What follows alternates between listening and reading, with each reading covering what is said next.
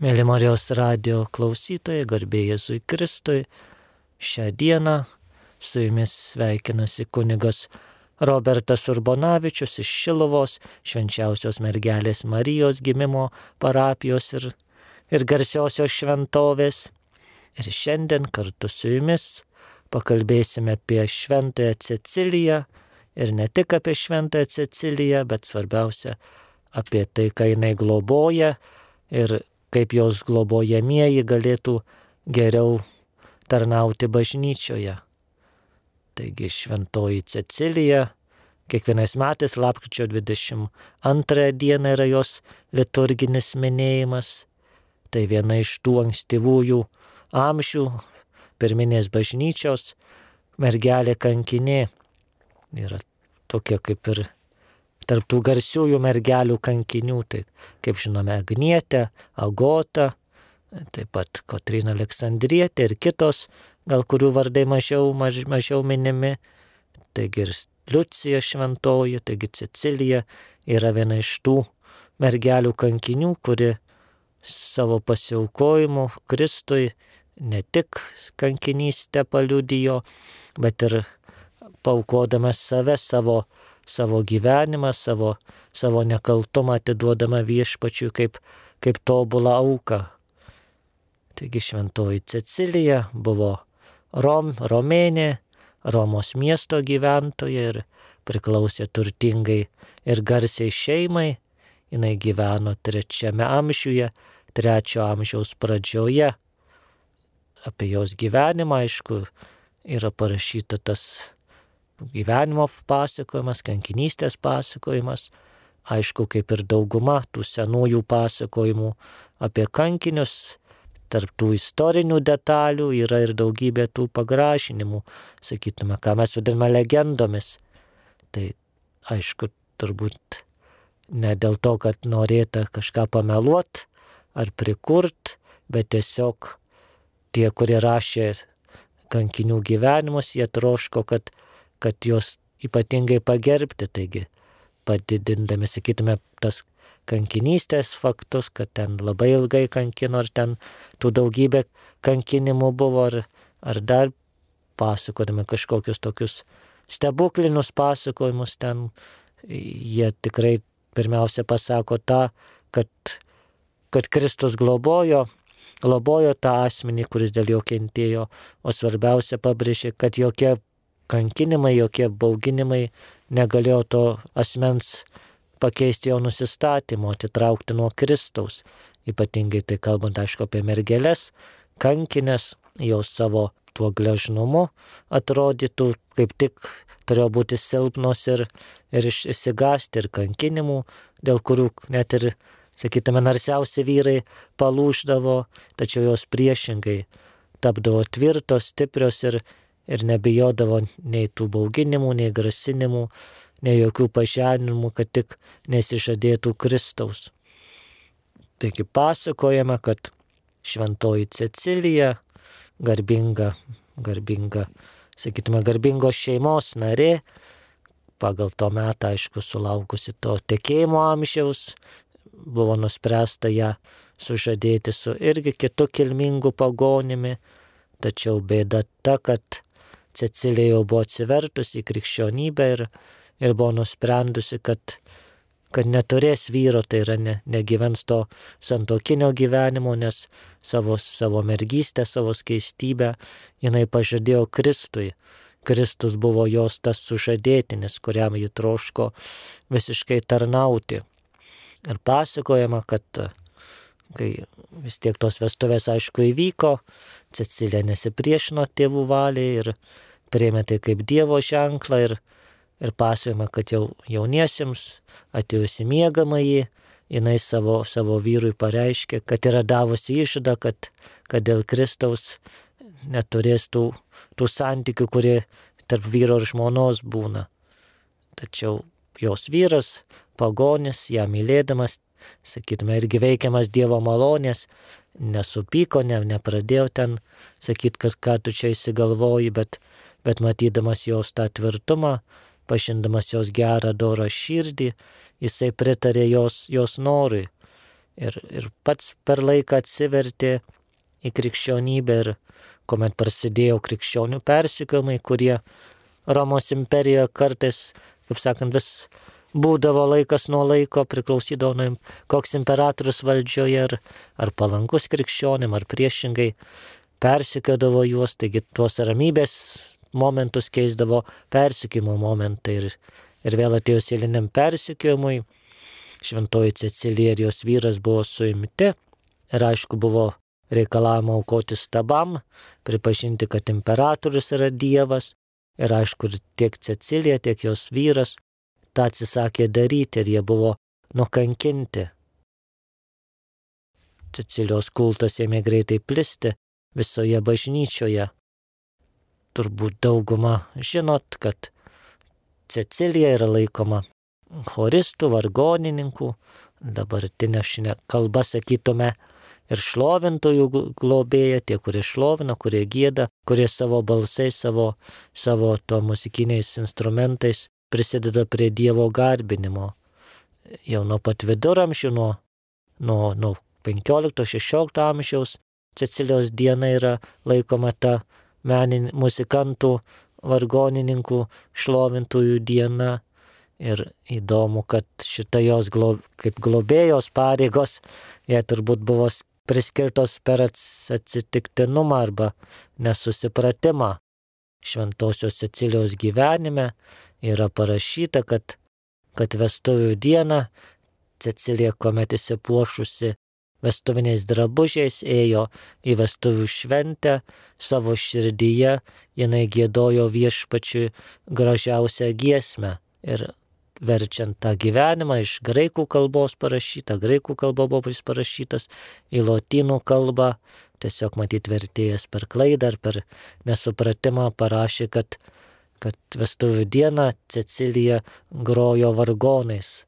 Tai yra tą, matyt, tą terminą, kad širdie gėdojo, iš, išvertė, kad jis, jinai grojo vargonais. Tai, taigi taip Cecilija tapo tų vargonininkų, choristų globėja.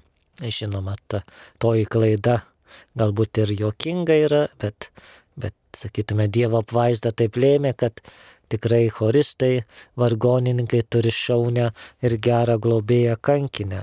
Ir daugybė parapijų, turbūt ir Cecilijos diena, ypač ar prieš sekmanis, ar po sekmanis, tikrai sveikinimai. Choristai, vargonininkai, šlovintojai, tikrai yra leistina ir, ir reikalinga ir kartu pabūti ir padėkoti viešpačiu ir, ir pasidžiaugti tikrai tą gražią tarnystę šios, šioje katechezėje ir norėtųsi šiek tiek ir pakalbėti apie, apie choristų šlovintųjų vietą liturgijoje ar bažnyčioje, sakytume, tam toje liturginėje tvarkoje.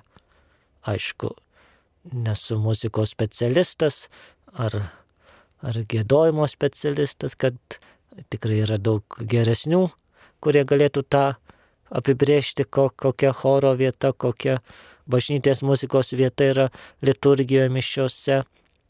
Yra ir speciali laida, muzika sakra. Ir galima daug ką sužinot.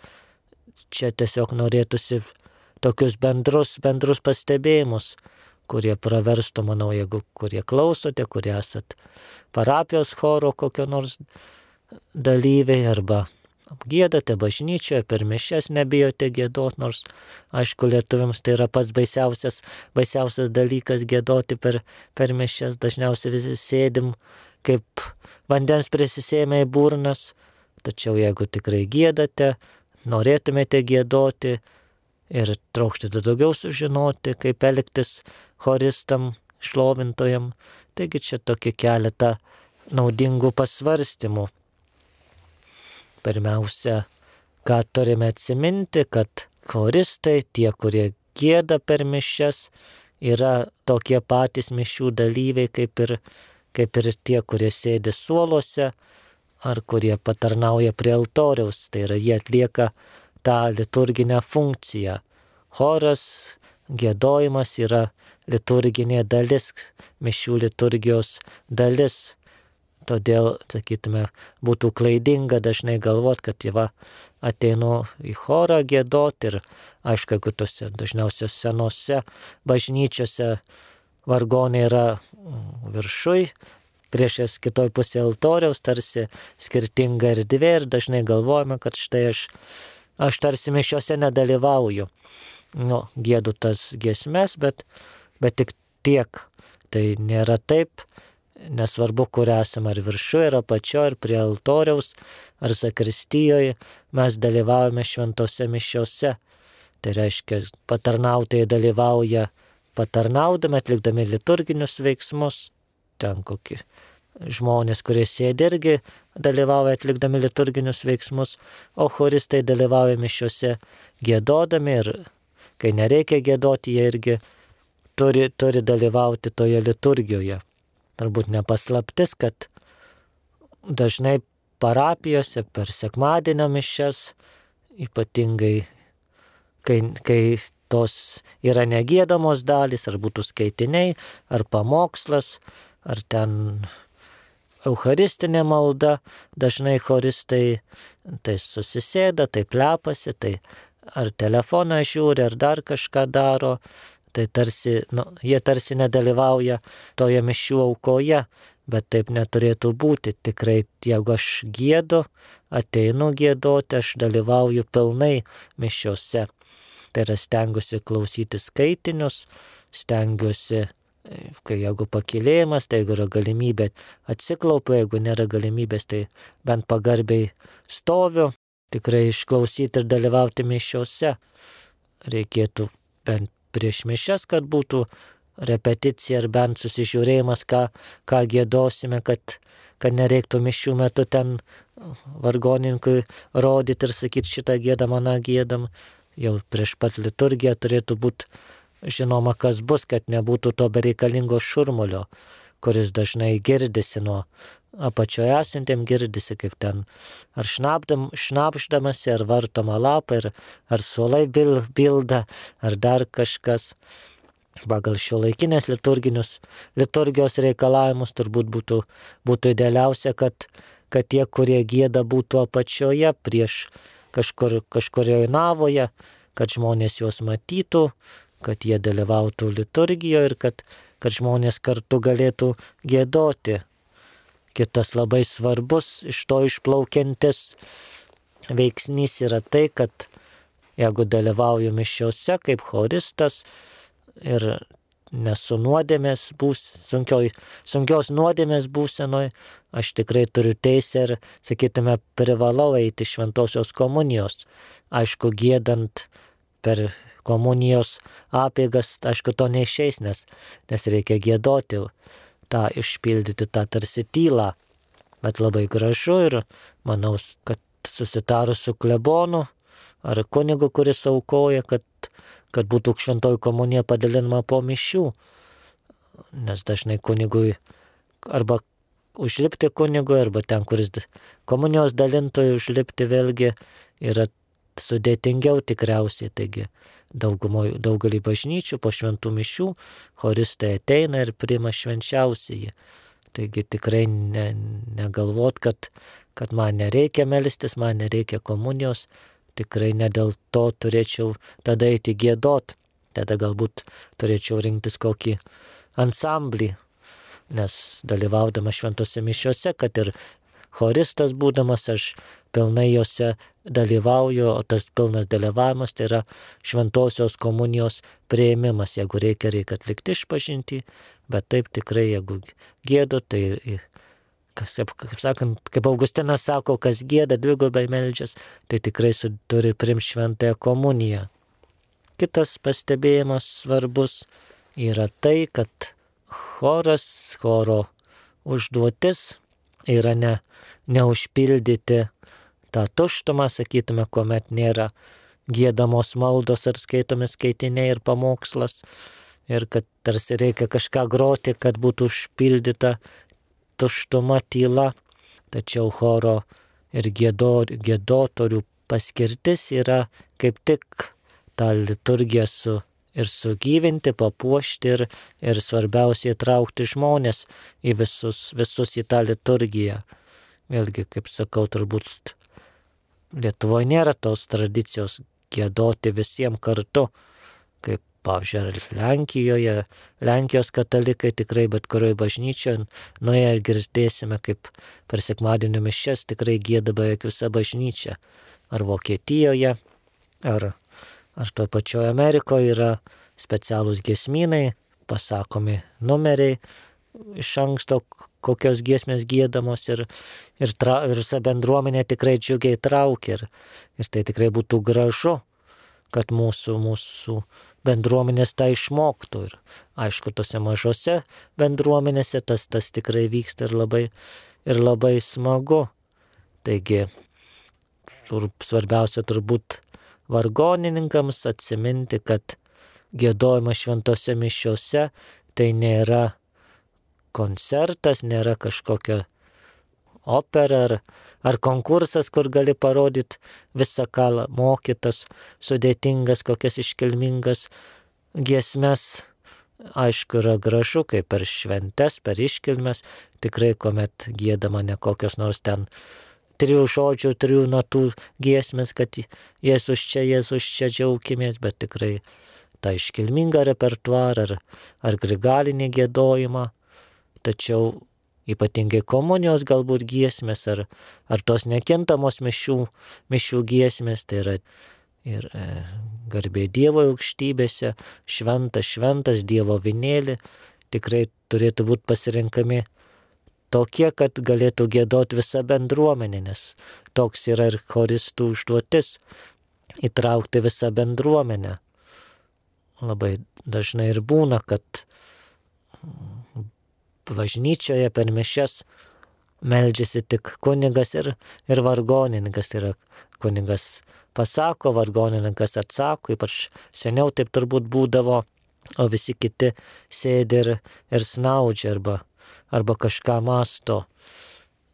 Ypatingai psalmės gėdojimas tikrai turėtų būti ta tokia melodija parinkta paprasta, ypatingai atliepas paprasta melodija, kad, kad žmonės sugebėtų atsakyti ir, tikrai bandyti juos įtraukti. Čia yra aišku uždavinys, bet ten, kur stengiamasi, kur ir dvasininkai, ir, ir vargoninkas bando tą darbą daryti, tikrai yra gražus ir, ir geri pavyzdžiai. Svarbiausia, jeigu tikrai yra tas noras ir yra tas suvokimas, kad aš savo gėdojimu tarnauju, tarnauju liturgijai tam, kad žmonės priartinčiau prie Kristaus, kad galėčiau padėti jiems labiau, labiau Kristų pažinti, labiau išgyventi tą mišių slėpinį. Ir turbūt labai yra svarbu, ypatingai čia vargonininkam, šlovintojam, sekti liturginį kalendorių. Kaip Zakristijonas žino, kokia turi būti liturginė spalva, koks ten šventė ar minėjimas, kokius skaitinius atversti. Kaip suprantama, aišku, kunigas irgi žino ruošiasi kiekvienam skirtingam ar šventė, ar liturginiam skirtingam laikui.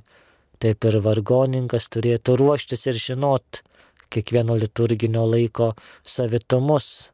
Sakytume, ten štai prasidės tuo adventas, tai tikrai parinkti tas adventinės giesmes, jeigu būna kažkokia šventė, pavyzdžiui, Margelės Marijos šventė, rytoj bus Marijos paukojimas, tai stengtis kokią nors Marijos giesmę sugėdoti, ar kitos progos būna tikrai, tikrai galima tą susirasti, yra tas liturginis kalendorius, taip vadinama rubricelė, kur yra surašyta viskas, kaip daryti ir ką rinktis, tikrai. Ir, ir choras turėtų išpildyti tą liturginę temą, nes yra, aišku, puiku, kad gėda choristai stengiasi, bet kuomet ištisus metus yra tas pats repertuaras arba varijuoja iš trijų variantų, tai tikrai nėra tas, nėra tas papuošimas liturgijos eiliniu, eiliniu laiku vienos giesmės, Velykų laiku kitos giesmės, Kalėdų dar trečios giesmės. Tikrai reikia stengtis, stengtis tą išpildyti ir, Vėlgi yra tos net ir taisyklės, turbūt vargoninkai geri žino, kas, kas dera per, per aukojimą gėdoti, kas dera per komuniją, kad tikrai ne per aukojimą galbūt netinka Dieve arčiau tavęs, o per, per komuniją gėdot Marijai giesmės. Tikrai kiekviena mišių dalis turi tą irgi savo temą. Taigi tikrai stengtis tai, ką darau, ko ką tarnauju, daryti gerai, tikrai kaip Dievui, žinant, kad Dievas mato ir Dievas atlygins turbūt. Choristai, ypatingai choras, šlovintojai šioje bažnytinėje liturgijoje užima, užima tą, sakytume, angelų vietą. Aprieškime Jonui visur skaitome, kad, kad angelai, angelai gėda viešpačiu ten vis, net yra ten kokios turbūt keturios ar penkios giesmės apriškimo Jonui knygoje, kur, kur gėda angelai ir šventieji išlovina viešpati. Taigi choristų užduotis yra šlovinti savo giesmę viešpati, nei daugiau, nei mažiau, tai tikrai labai garbingas užsi, užsiemimas. Tai, kaip sakau, visada tas, kuris ateina gėdoti, ypatingai aišku, tas, kuris atsakingas už surinkimą, už, už chorą už, ar už šlovintojus, tikrai atsimint, kad tai nėra tik tai šiaip savo ar kažkoks koncertas, ar, ar kad reikia daryti ir nėra, nėra ką daugiau, nieko kito tarsi nemoku, bet tikrai turėti tą dvasinį nusiteikimą, tą dvasinę mintį, kad aš tikrai ateinu šlovinti viešpatį, kiek, kiek sugebu, kiek galiu, tikrai ne, nereikia, prof, sakytume, to ypatingo profesionalumo ar ten ypatingų, ypatingo pateikimo. Tikrai čia ne Eurovizijos konkursas, kur reikia kažkuo nustebinti, sužavėti. Svarbiausia nuoširdumas, paprastumas, aišku, tos dermės, skambesys, balsai irgi turi būti. Tikrai jeigu ten choras gėda, bet, bet nusigėda ar, ar nepataiko, ar dar kažkas, tai ar tiesiog skubama kažką pragrot, pragėdoti, vėlgi tai nėra nei Dievui garbė, nei, nei bendruomenė tas džiaugsmas. Turbūt tokius, tokius atvejus reikėtų kažkaip, kažkaip spręsti. Turbūt svarbiausia yra tas, tas neapsipratimas. Mes tie, kurie ypatingai tarnauja liturgijoje, tai būtų sakristijonas ar patarnautojai, ministrantai taip vadinamieji, aišku, kunigas pats pirmasis liturgijos, liturgijos dalyvis, taip pat choristai, vargonininkai, šlovintojai, visiems tie, kurie esame įsipareigoję bažnyčioje, mūsų visų bėda turbūt yra tas apsipratimas ir apsnūdimas, kuomet užeina tas kažkoks dvasinis tingėjimas ar, ar nusivylimas, kaip ir kiekvienoje parapijoje, bendruomenė, aišku, kyla visokie konfliktai, nesupratimai, apkalbos, kurių neišvengsime ir, ir dažnai tarsi mišios atliekamos, pragėdamos, praskait, paskaitamos, patarnautojai šiaip tai patarnauja, sakristijonas pasėdi sakristijoje paš, pakalba, tai yra ta tikrai apsileidimo, apsileidimo nuodėmė. Liturgija yra šventos mišios, yra pats tobuliausias Dievo šlovinimas, ką mes galime padaryti. Ir tikrai visų mūsų pareiga, visų mūsų užduotis tikrai yra įdėtis visą save. Kiek galima, kiek, kiek išeina, žinoma, pagal, pagal galimybės, pagal, pagal supratimą tikrai ne visur yra tų žmonių, ne visur yra galimybės suburti chorą ar kaip kokiam katedros lygį padaryti, bet to ir nereikia. Užtenka penkių, šešių žmonių, kurie nori gėdoti, užtenka to, kuris nori užsimti su jais ir tikrai gali būti graži liturgija.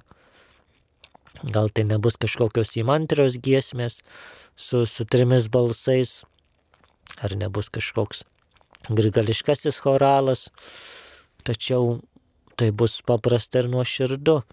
Ir tai yra svarbiausia.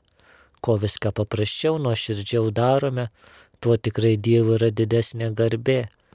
Tai tikrai šiandien minėdami šventąją Ceciliją, norisi tikrai kiekvienam, kiekvienam gėdančiam, kiekvienam choristui, kiekvienam šlovintojui, kiekvienam vargonininkui, choro prižiūrėtojui, taip jeigu galima įvardinti, tam, kuris šitoj srity atlieka didelį darbą, tikrai norisi padėkoti už jų pastangas, už, už tuos sunkius darbus, kuriuos atliekama.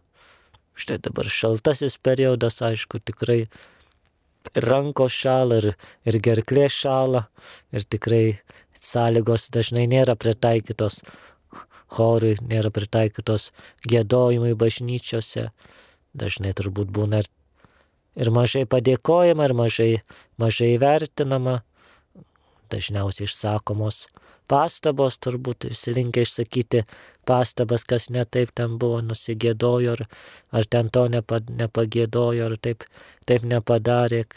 Kartais nebūna to bendradarbiavimo tarp, tarp parapijos klebonų ir, ir liturgijos kitų dalyvių, tačiau nežiūrint to, tikrai kiekvienas iš jūsų atliekate didžią ir svarbę misiją. Tai tikrai kaip šventasis Augustinas ir sakė, jau, kaip jau minėjau, kas gėda dvigubai melžiasi. Tikrai išlovinti Dievą, gėdoti jo garbiai, gražiai gėdoti, nuoširdžiai gėdoti, tai yra tikrai pati, pati gražiausia tarnystė, kuri galbūt ir matoma liturgijoje labiausiai. Ten nesimatys gal patarnautojų klaidos, kad ten kas nors buvo nelaiku padaryti ar ar smilkituvas nelaiku atneštas, ar ten knyga netaip suvartyta, tą žinos tik tai klebonas, zakristijonas, bet tikrai šita dalis, gėdojimo dalis visada matoma ir visada reikalinga ir tikrai sekmadienio, ypatingai sekmadienio mišios be, be choro, be vargonų, be, be šlovintųjų tikrai yra, yra netokios. Nors aišku, jos galioja, Kristaus aukai tikrai nieko netrūksta ir, ir gali būti ir, ir be vargonų, be gėdotojų, be patarnautojų. Svarbu, kad būtų noras šlovinti viešpatį, kad būtų kunigas ar vienas žmogus ir jos galios net ir, net ir kalėjime ar lagerėje kažkur. Tačiau liturgija pagal, pagal normalias sąlygas tikrai turi privalo būti graži, nes kaip šventasis raštas sako, kaip senasis testamentas mus moko, kad Dievui atiduodame tai, kas geriausia. Tai yra viešpačiui negalima duoti to, kas atliko, negalima duoti to, kas, kas nenaudinga, nedo, negalima duoti to, kas, ko, tikrai patys nenorėtume gauti. Viešpačiui, kas gražiausia, gražiausios giesmės, gražiausios mūsų pastangos, gražiausia liturgija. Tikrai kita tema, galėt, čia aišku, būtų kita tema. Tai yra liturginiai indai parapijose, kad tikrai mešių taurės turėtų būti tikrai ne, ne, ne kažkokios blėkinės, nu, nugramdytos, nu, nusitrynusios, bet tikrai atnaujintos, gražios, papuoštos arno tai visa tai, kas, ką, kas yra matoma liturgijoje, tikrai turi būti gražu ir ne dėl to, kad, kad tai atrodytų kokia bažnyčia turtinga, bet dėl to, kad graži liturgija simbolizuoja dangų, kadangi danguje viskas bus gražu ir tobula ir mes turime skleisti grožį. Per grožį, per dieviškai grožį tikrai esame sustiprinami ir išgelbstimi. Taigi tikrai šventoji Cecilija, mergelė kankinė didžioji, didžioji globėja, vargonininkų, šlovintojų, tikrai išmelski šviešpatės jiems ir mums malonę, kad šlovintame Dievą pirmiausia visų savo protu, visų savo širdimi, visų savo gyvenimu, kad mūsų gyvenimas tai būtų graži giesmė Dievui, be kažkokių blogų natų, be, be nusigėdojimo, be, be, be to negražaus teksto sakytume, bet tikrai nuoširdi paprasta giesmė, kad savo gyvenimu pašlovintume viešpatį ir, ir pradžiugintume artimą. Taigi to prašome mums išmels Cecilija per Kristų mūsų viešpatį. Amen. Ačiū, mėly Marijos radio klausytojai. Su jumis mintimis dalyjosi kunigas Robertas. Palaimintos dienos, palaiminto ateinančio advento laiko ir palaimintų besernančių viešpatės užgimimo švenčių. Amen.